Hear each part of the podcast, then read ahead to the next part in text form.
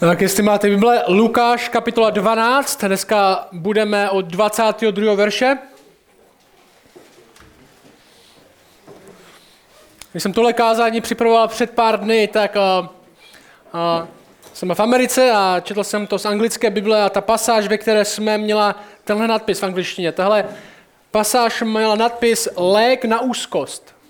Lék na úzkost, možná líp řečeno lék na strachování se, byl lepší nadpis. Ta pasáž, kterou před sebou spolu máme, je pro nás, pro všechny, je pro všechny lidi, kteří nedokáží být v klidu. Je pro nás, pro všechny, kteří bojujeme se strachem. Je pro lidi, kteří bojují s úzkostí. Je pro lidi, kteří možná uvěřili, že hřích je jediná cesta ven ze stavu, ve kterém jsou. Tahle pasáž je pro lidi, kteří staví svůj život podle toho, co si o nich myslí ostatní lidi. Tahle pasáž je pro lidi, kteří většinu svých nadějí dávají do pozemských věcí. Možná ve zkratce tahle pasáž je pro nás všechny. A možná jsme čím dál víc netrpěliví, chceme věci hned. Možná je to taky vel, možná hodně díky tomu, že máme zvlášť teďka v těchto letech neustálý přístup k tomu, že vidíme, jak se má někdo jiný. Skrze Instagram, sociální média, tak vidíme, jak se všichni mají líp než já. My jsme před dvěma dny letěli domů z Ameriky, tak uh, Anička, čtyři a půl roku, těšila se jenom, že se sedne do letadla a bude se dívat na film. Sledovat svoji pohádku. Má teďka novou oblíbenou pohádku, která se jmenuje Pas na rodiče kterou sledovala dvakrát na cestě tam, anglicky za sebou a chtěla a čekala, že si pustí znovu, až se bude, až půjdeme zpátky. A byla velmi netrpělivá, seděla na sedačce a maminka ještě nedala sluchátka. A já jsem mi řekl, Aničko, znáš přísloví, trpělivost růže přináší? Anička to odpověděla, neznám, ale chci je teď. Já jsem slyšel zajímavou statistiku, že v USA v roce 2009 bylo asi kolem 25% středoškoláků, každý čtvrtý, teenager, řekli, že mají neustálý pocit smutku a beznaděje. V roce 2021, minulý rok, jich bylo 44%. Bylo rekord nejvíc, co kdy bylo zaznamenáno. 44% všech středoškoláků říkali, že mají každý den neustálý pocit smutku a beznaděje. Pro dívky to bylo dokonce 57%. Víc než každá druhá. Když dáte lék na úzkost, ne do Bible, ale do Google, tak možná první, co na vás vyskočí, jsou léky. Antidepresiva. Ty statistiky jsou, že každý šestý se léčí z deprese nebo pomáhá si depresi nebo smutku lékama, každý šestý. A dvakrát víc zase ženy než muži. A zajímavé, jestli máte vysokoškolské vzdělání, tak je víc pravděpodobný, že na antidepresivech skončíte. Jako kdyby věci, které nám měly zalepšit lepší budoucnost a slibovali pokoj, ho nějakým způsobem nepřináší. A zároveň v přípravě na tohle kázání jsem četl zajímavý článek z Wall Street Journal, který tvrdil, že není žádný vědecký důkaz, že by antidepresiva vůbec fungovaly. V češtině byl ten přeložený část toho článku takhle. Skupina vědců spochybnila časté užívání antidepresiv poté, co v rozsáhlé studii zjistila, že neexistuje žádný jasný důkaz, podle kterého by za depresi mohla nízká hladina serotoninu, který ty prášky vyrovnávají. Počet předepsaných antidepresiv se od 90. let minulého století dramaticky zvýšil. V Anglii nyní užívá každý šestý dospělý. Samozřejmě tohle spochybnění má i svoje vlastní spochybnění. Ale ta pointa je tahle. Všichni z nás do nějaké míry hledáme lék na to, jak se cítit dobře. Hledáme lék na to, jak se cítit dobře. Někdo s tím bude víc, někdo možná trochu méně, ale každý z nás hledáme lék. Pro někoho to je prášek, pro někoho to modla, pro někoho je to hřích. Každý z nás hledáme cestu ven. Každý z nás hledáme způsob, jak se postavit tomu, co nás venku čeká, jak se postavit tomu, co má, nás možná doma čeká. Jak se postavit tomu, co se nám bíří v hlavě. A strach a úzkost je do nějaké míry známa nám všem. Pro nás, pro všechny je tenhle text relevantní, jako byl relevantní pro lidi 2000 let zpátky. A jednu věc, co chci, abyste slyšeli první, já neříkám, že úzkost, deprese, strach je nějaký jednoduchý problém, který můžeme vyléčit nějakou mávnutí kouzelné hůlky. Není to tak, že se jenom rozhodneme být smutní a jsme smutní a jenom teďka se musíme rozhodnout nebýt smutní a všechno bude OK. Jako kdyby to byla jen takhle naše chyba. Ne, pro nás, pro hodně z nás strach, úzkost, deprese jdou hluboko. Jsou zakořeněny do nějaké míry v nás. Někteří z vás víte, proč je máte. Někteří z vás ani netušíte proč.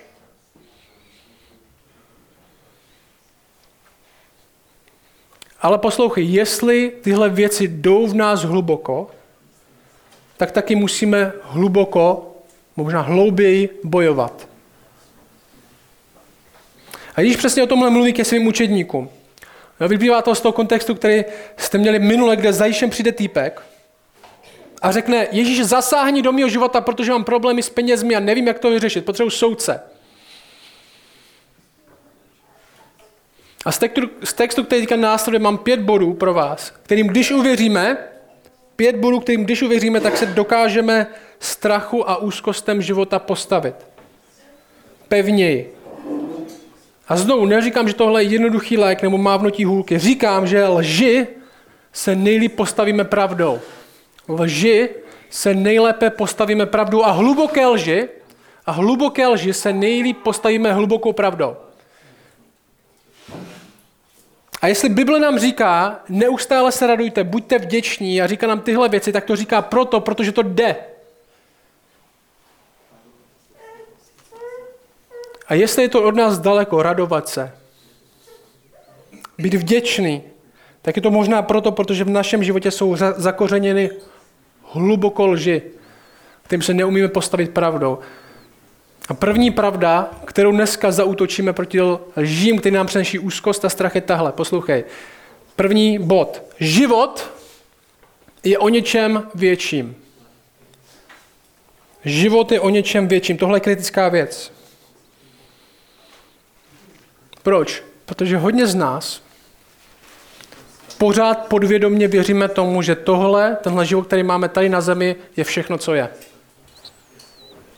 Jo, kdybychom dostali znovu teologický kvíz, kdybychom měli odpovědět, jaká je křesťanská pravda, tak by všichni jsme odpověděli, ne, žijeme věčně, budeme vzkříšení z mrtvých, ano, ale čemu doopravdy věříme?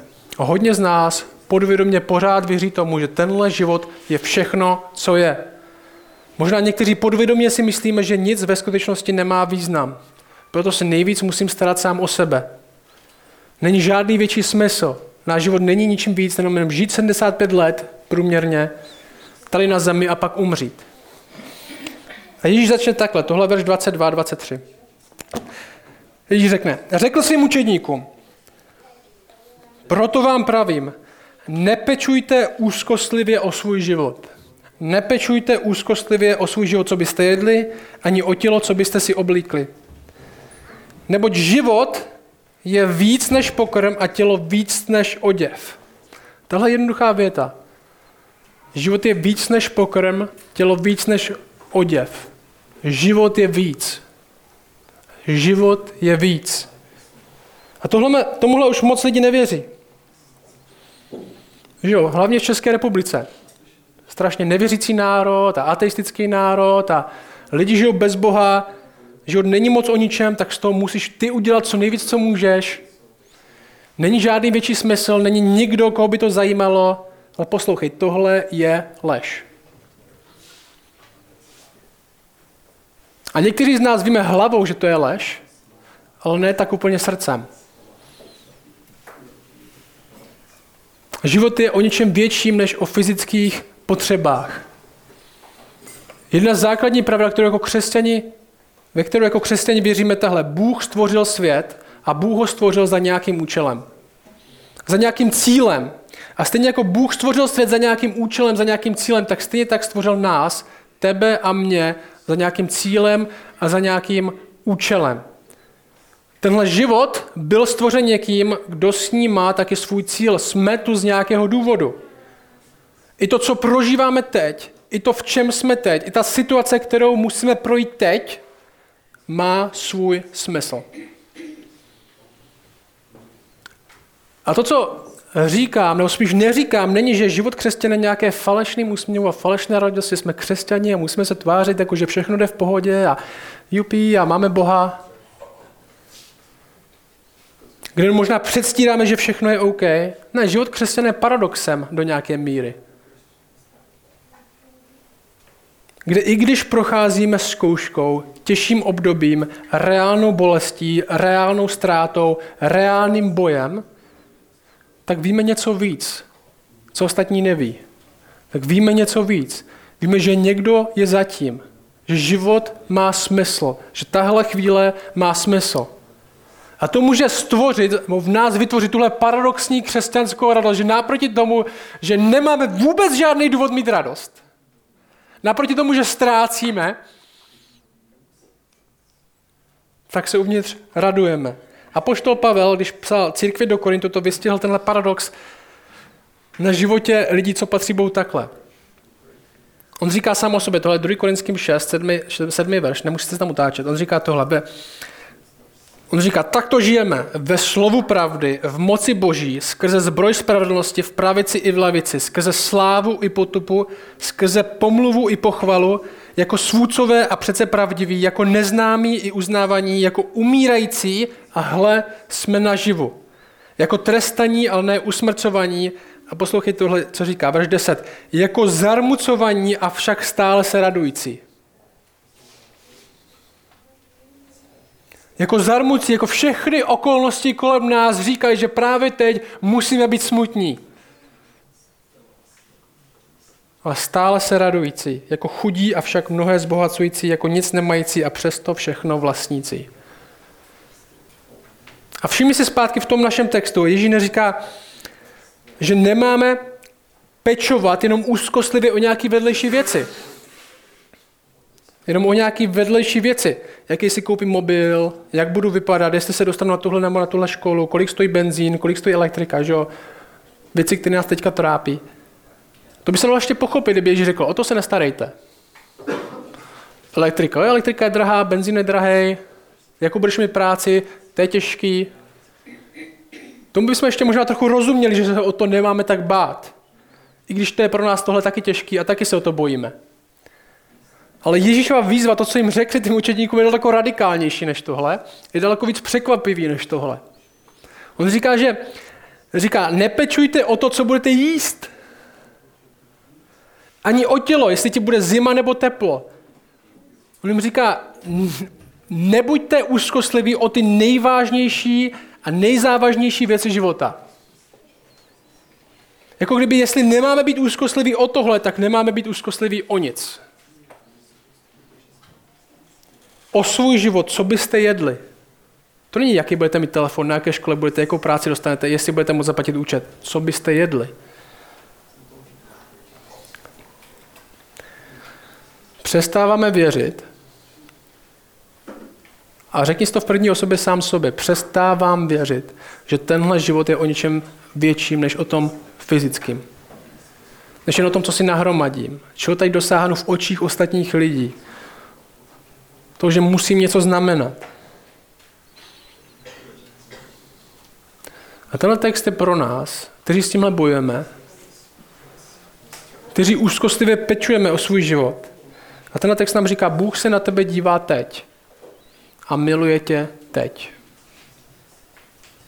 Ne tvůj budoucí verzi. Že pro nás, pro z nás by bylo lehčí pochopit, že Bůh miluje naši nějakou budoucí verzi, kde se zbavíme tady téhle věci, jedné věci, kterou víme, že když se jí zbavíme, tak budeme na tom trochu líp. A pak možná si dokážeš představit, že Bůh mě má aspoň trochu rád. Bůh tě miluje teď. Tvůj život má už cenu teď. Bůh už vede tvůj život teď. V ničemu nepřekvapuješ. On dokonce říká, pozorněte si, k tomu se ještě vrátíme, on říká, verš 24, pozorně si všimněte havranu, že nesejí ani nežnou, nemají komory ani studily, ale Bůh je živý a říká jim, oč vy jste cenější než ptáci. Říká, život má svoji hodnotu, život má svoji cenu pro Boha už teď. My věříme, že život je o něčem víc. Že Bůh ho stvořil za nějakým účelem, že život má smysl. Okay, druhý bod, druhá pravda, kterou, které musíme věřit, je tahle. Život nemáš pod kontrolou. Život nemáš pod kontrolou. Možná to zní jako důvod k úzkosti a ke strachu, ale ve skutečnosti není. Poslouchej, úzkostliví lidé jsou ti, kteří si myslí, že svůj život můžou mít pod kontrolou. Ale nedaří se jim to. Nebo jsou to ti, kteří mají zdánlivou kontrolu a bojí se, že ji ztratí. Ve skutečnosti si uvědomit, že život nemám pod kontrolou, je osobozující. Protože přestávám jednat, jako by ho pod kontrolou měl. Ježíš jim řekne tohle, ve 25. On jim řekne, kdo z vás dokáže úzkostlivou péči přidat k délce svého věku, svého života jediný loket, jediný centimetr. Nemůžete-li tedy ani to nejmenší udělat, říká že proč se úzkostlivě staráte o to ostatní? On říká, Bůh dokonce určil, jak dlouho budete žít. Neboli, jo, tohle, nikdo z vás neumře dřív, než mu Bůh určil. Nikdo z vás neumře dřív, než mu Bůh určil. Nikdo z vás jsou smrtí nepřekvapí a Bůh si říká, tak to jsem doufal, že ještě měsíc bude mít. Ještě jsem potřeboval vytrhat koberec na kostele. A ten nejsilnější umřel.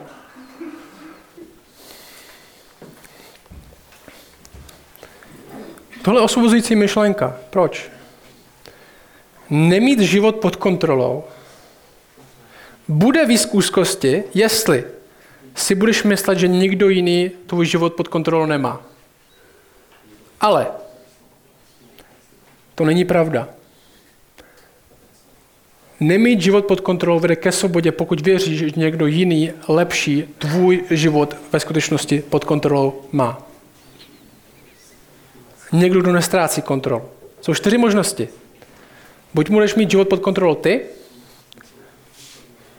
nikdo, Satan nebo Bůh.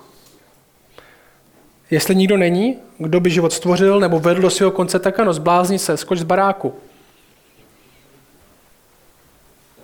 Pro co žít? Není žádný důvod žít, není žádný smysl života.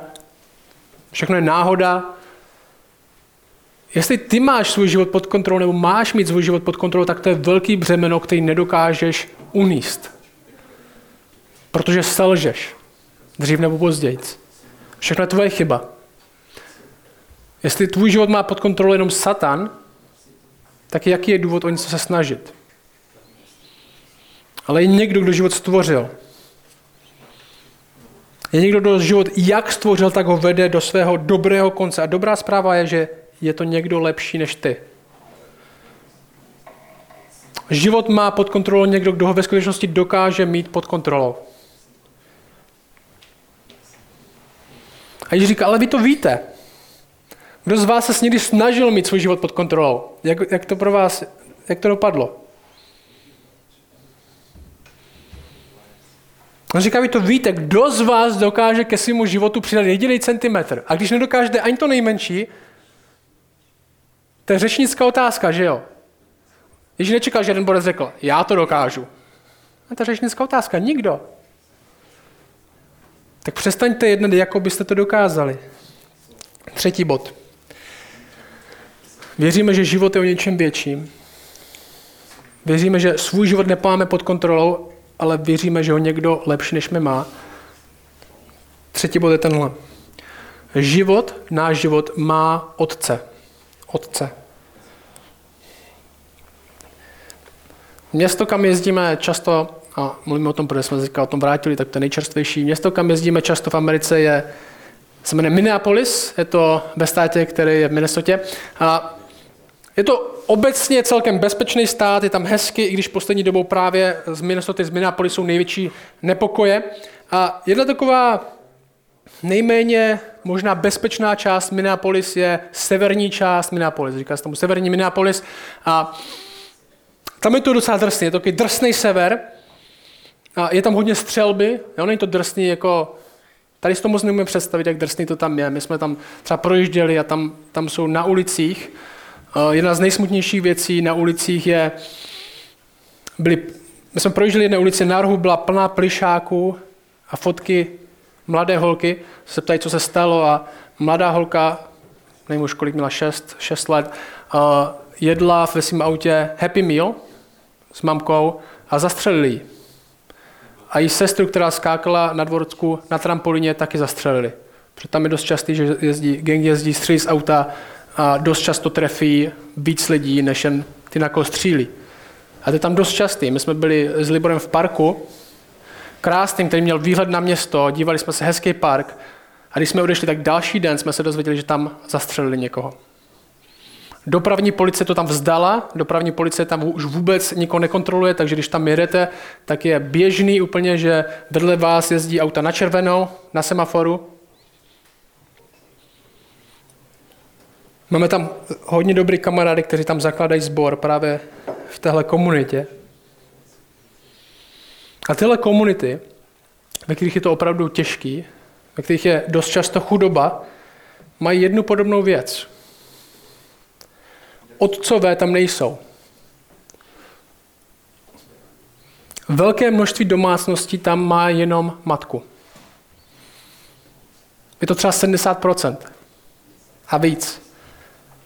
Otec, otec odešel. Nechtěl děti, matky, ať se postarají, Nechtěl mi nepříjemnosti, závazky, povinnosti. A podle toho to taky vypadá. Jako děti, kteří vyrůstají bez otce. A poslouchej, jedna další, vě, jedna další lež, které často věříme tahle. Bůh se nezajímá. Bůh se nestará. Bůh je daleko. Bůh odešel. Bůh mi nedává to, co potřebuju. Ten text pokračuje takhle, verš 27. Pozorně si všimněte lilí, jak rostou, nepracují ani nepředou, avšak pravím vám, ani Šalamón v celé své slávě nebyl tak oblečen jako jedna z nich. Jestliže tedy Bůh tak obleká trávu, která je dnes na poli a zítra se hodí do pece, čím spíše obleče vás, malověrní. Ani vy nehledejte, co byste jedli a co byste pili a nezneklidňujte se tím. Toto všechno horlivě hledají národy toto světa. Váš otec ví, Váš otec ví, že to potřebujete. Ta důležitá věc je tahle. My nežijeme ve světě bez otce. My nežijeme ve světě bez otce. Svět není jako dům, ze kterého otec odešel, utekl a nechal nás, abychom se starali sami o sebe. Nemáme otce, který je daleko, nemáme otce, který se nezajímá, nemáme otce, který neví, co potřebujeme. Žijeme ve světě, který má otce, který se stará, který mu záleží, i když možná náš život nevypadá tak, jak bychom si představovali.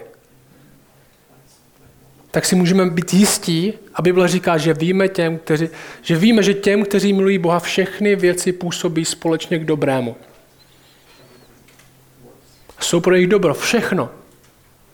I bolest, i těžká chvíle, je způsobem pro naši dobro, pro naši výchovu, i když tomu nerozumíme. Protože je zatím nejen Bůh, ale Bůh náš Otec. Tohle není nejlepší svět, tohle je nejlepší cesta do nejlepšího světa.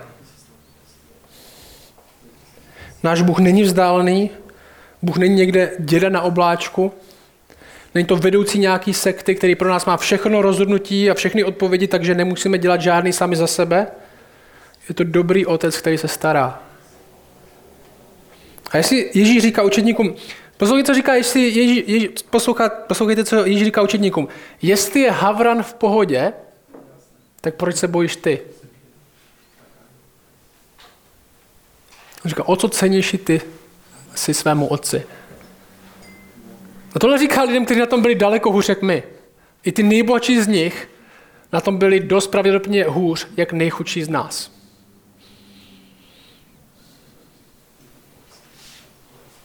Proč se zdá, že na světě je víc úzkosti teď? Proč se zdá, že na světě je víc depresí než předtím? Protože jsme zbohatli a nic to nevylečilo. Namluvili jsme naší duši, stejně jako ten borec v, té, v tom podobenství předtím, že když vykopeme tenhle poklad, tak budeme spokojení, ale nejsme. A co je zajímavé, je taky tohle. Bůh neříká a již neříká lidem, že způsob, jak se zbavit problémů, způsob, jak se vyhnout těžkým chvílím a tomu, co přináší strach a úzkost, je zavřít oči a dělat, že to neexistuje. Možná nějak se otupit vůči tomu. Možná dělat, že to nemusíme řešit. Že nemusíme hledat odpověď. Nebo že nemusíme jednat. On jim říká naopak, otevřete oči. Že místo říká, tak zavřete se do baráku před vším, co vás trápí a ono to přejde. Ale on jim říká naopak, pozorně si všímejte věcí okolo vás. Všimněte si havranu, všimněte si kytek, podívejte se na svět okolo vás, otevřete oči k realitě. Nezavřete oči před ní. Ježíš jim neříká, v pohodě, v tomhle světě nejsou problémy, to jste si akorát vymysleli sami. V tomhle světě není bolest. Tak co děláš? A on říká, i když v tomhle světě všechno tohle je, bolest, problémy, vy máte někoho, kdo je lepší, větší než tohle všechno. Váš otec ví, váš otec se stará, váš Bůh je váš otec. A říká dokonce, nebuďte jako ostatní lidi, kteří neznají Boha.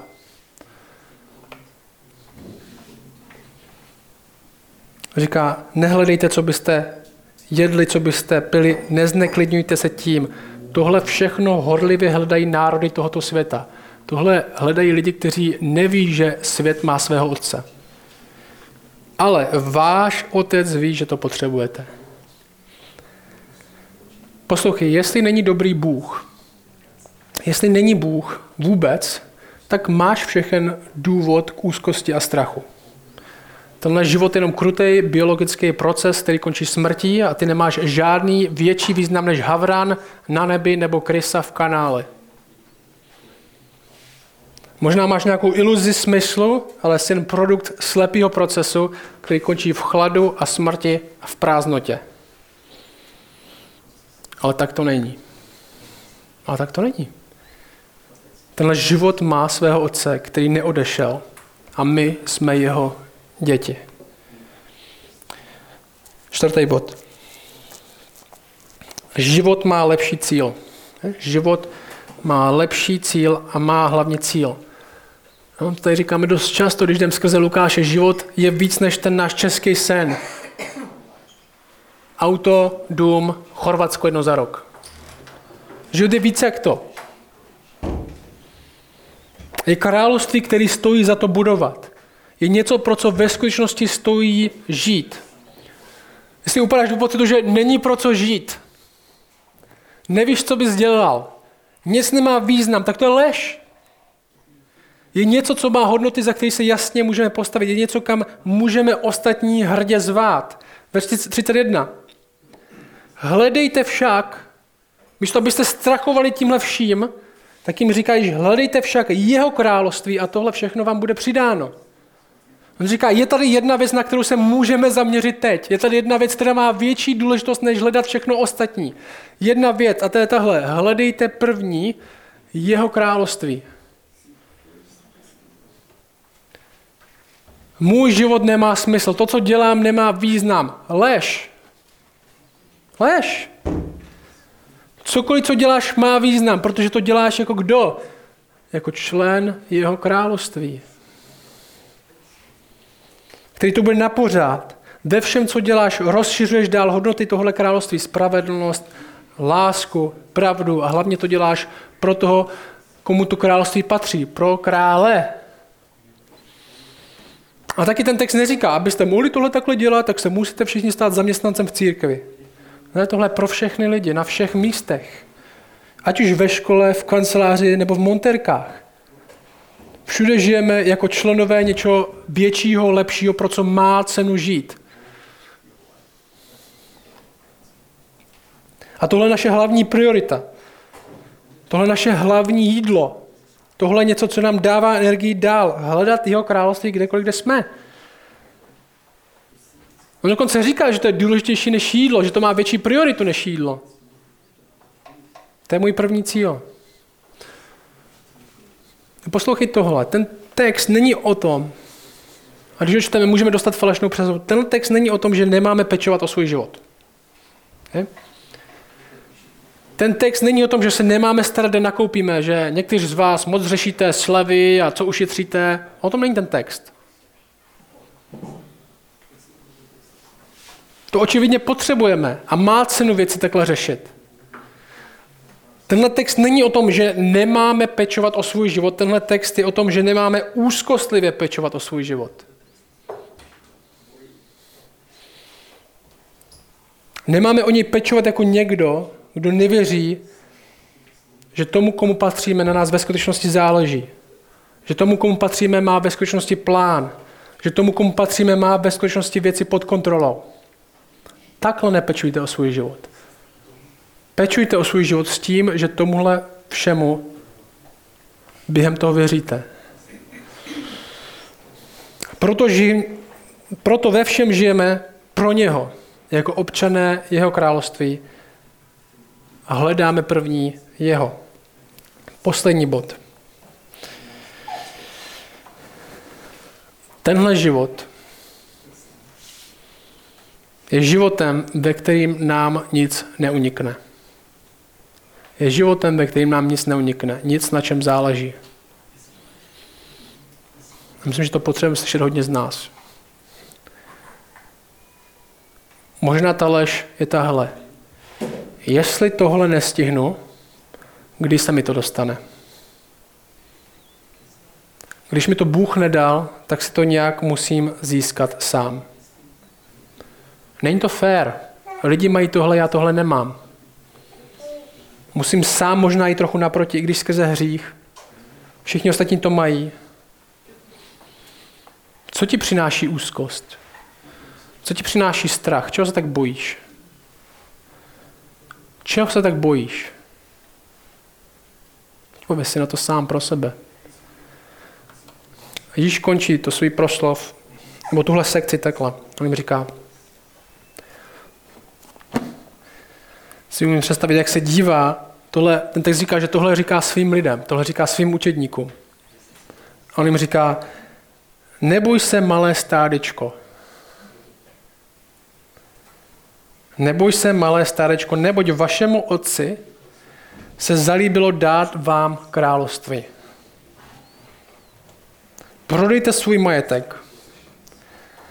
Dejte almužnu.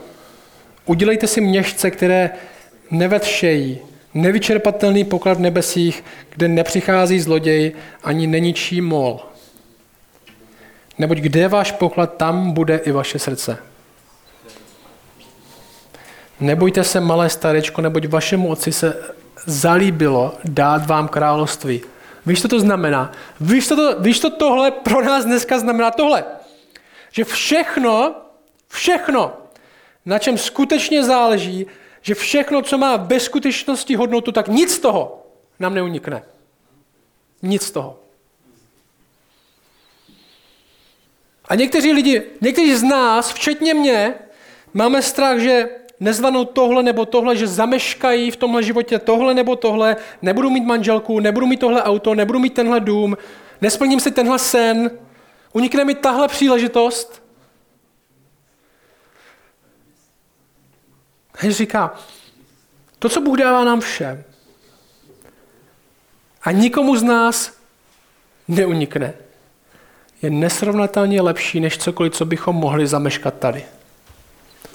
To, co Bůh dává všem z nás a co mu nikomu z nás neunikne, je nesrovnatelně lepší než cokoliv, co bychom mohli zameškat tady. Tak moc, že už si nikdy na to ani nespomeneme. On jim říká, a začněte podle toho žít teď, protože jde o vaše srdce, který si buď plníte lží, nebo pravdou. On říká, dokonce, jestli takhle začneme přemýšlet, to, jestli tohle začneme vidět, tak přestaneme přemýšlet, o co můžeme přijít a začneme přemýšlet, co můžeme dát a čeho se můžeme vzdát. Protože to nepotřebujeme. Otci se zalíbilo dát království vám. Co je další slovo? Prodejte. Vzdejte se. Neusilujte. Nemějte potřebu vlastnit.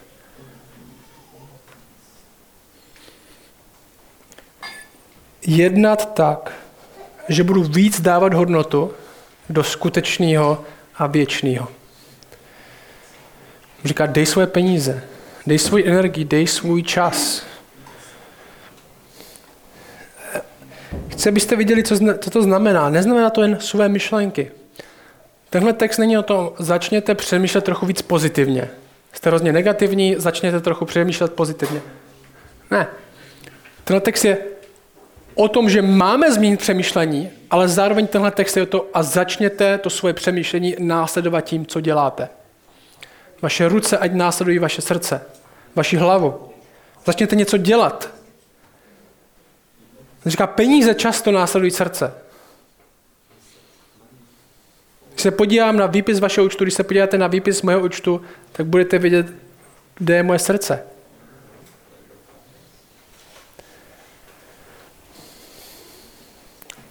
Bůh nám tohle jenom neříká. Bůh nám to v Kristu prokazuje. Kolik z vás by chtělo mít stejný život jako Ježíš? Nikdy necestovat více jak 100 km od svého domova, ve 33 zemřít násilnou smrtí,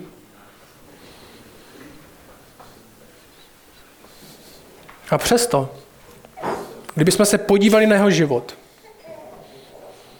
řekli bychom, ten ho promarnil.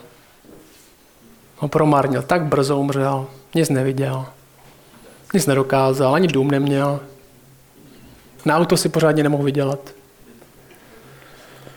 Nikdy se neoženil, neměl děti, nedočkal se iPhone 14, že jo, to je pš. Ne, jo. Byl to plný život. Proč? Protože žil pro Boha. Protože splnil, co měl. Dokonce to byl život, který sám dal za druhé. Vzdal se i svého života pro druhé. Nen peněz, ale sám sebe, Bible říká, zmařil. Zemřel za nás, abychom my mohli žít, prohlídnout tomu, o čem vlastně život ve skutečnosti je. Tohle nám říká někdo, kdo ví, jaký to je. Bible říká o Ježíši, tohle, Bible říká o Ježíši v Židům 4. Říká, neboť my máme takového velekněze, kněz je někdo, který stojí, přimlouvá se za jinou skupinu lidí. Neboť máme takového velekněze, který by s námi, neboť nemáme takového velekněze, který by s námi nemohl soucítit v našich slabostech. Nýbrž takového, který ve všem prošel zkouškami podobně jako my, avšak bez hříchu. Říká, Bůh není v Kristu někdo, kdo by vám nerozuměl. Ve skutečnosti máme takového Boha, který prošel zkouškami podobně jako my, avšak bez hříchu. A možná se říkáme, když tohle čteme, možná si myslíme, jestliže on prošel bez hříchu, ten Ježíš, tak to nezná tak jako my, přece. Který často selháváme. Nezná ten hřích jako my. Ale poslouchej, on zná ten boj daleko líp než my. Protože kdo zná líp boj? Ten, kdo ho vzdá, nebo ten, který ho ustojí? Kdo ználí boj? Ten, který ho vzdá, nebo ten, kdo v něm vytrvá až do konce a bojuje? Ten, kdo bojuje, zná zkoušky a slabosti daleko líp než my. Naše idea dobrého života je často poskvrněná tím, čemu věří okolo lidi, kteří neznají Boha. Ale my víme, tohle jsou ty body, my víme, že život je o něčem větším. Že život nemám pod kontrolou, ale důvěřuji, mu, důvěřuji někomu, kdo ho pod kontrolou má. Že život má otce, který se stará. Že tenhle život má lepší cíl, lepší království. Všechno má smysl a je to život, ve kterém na konci nám neunikne nic, co má skutečnou hodnotu. Je to život, který není možný díky tomu, který sám svůj život za nás dal. A v tomhle životě je to o tomhle, věřit pravdě a ne lži. Zakořenit v hlubokých pravdách, zakořenit v pravdě, která je v Kristu. A mít otevřený oči k tomu zároveň, že v sobě máme zakořeněný i hluboký lži. A Ježíš je tím nástrojem, tou lopatkou, která vyhrabává všechen ten plevel, který v srdci máme. Pomocí pravdy, která je v něm.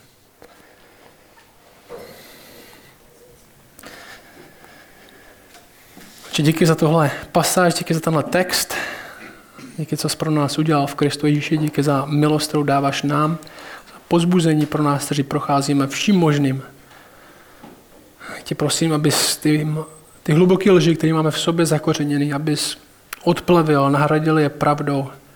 Díky za slovo, kterým nám dáváš. Prosím tě, aby jsme byli dobří studenti, dobří posluchači a zároveň taky dobří činitelé toho, co slyšíme.